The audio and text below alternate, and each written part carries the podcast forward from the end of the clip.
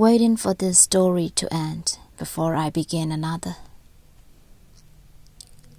All my stories are about being loved, all yours about leaving.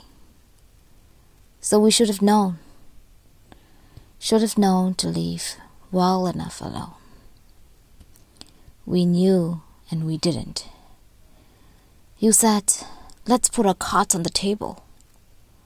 Your card was your body, the table, my bed, where we didn't get till 4 a.m., so tired from wanting what we shouldn't that when we finally found our heads, we had lots of minds. Love, I wanted to call you so fast, but so slow you could taste each letter licked into your particular and rose like ear. L, love, for let's wait. O, it's for oh no, let's not.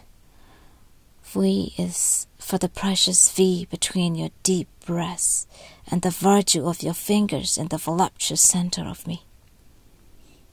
Okay. E, it's for enough.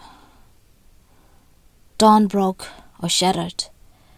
Once we've made the promises, it's hard to add the prefix if, but not so wrong to try.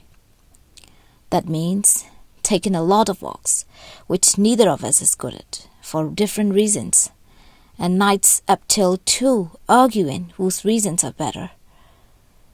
Time and numbers count a lot in this.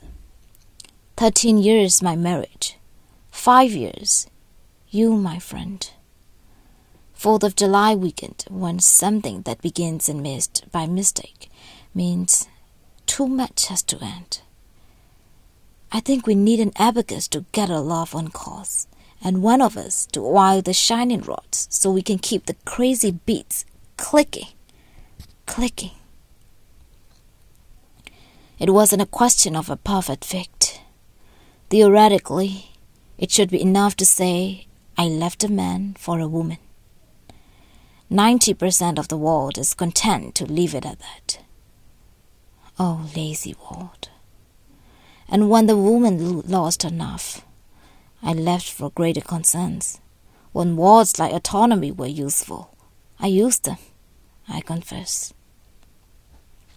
So I get what I deserve a studio apartment he paid the rent on, bookshelves up to the ceiling she drove the screws for, and a skylight I sleep alone beneath, and two shiny quarters in my pocket to call one, then the other, or to call one twice.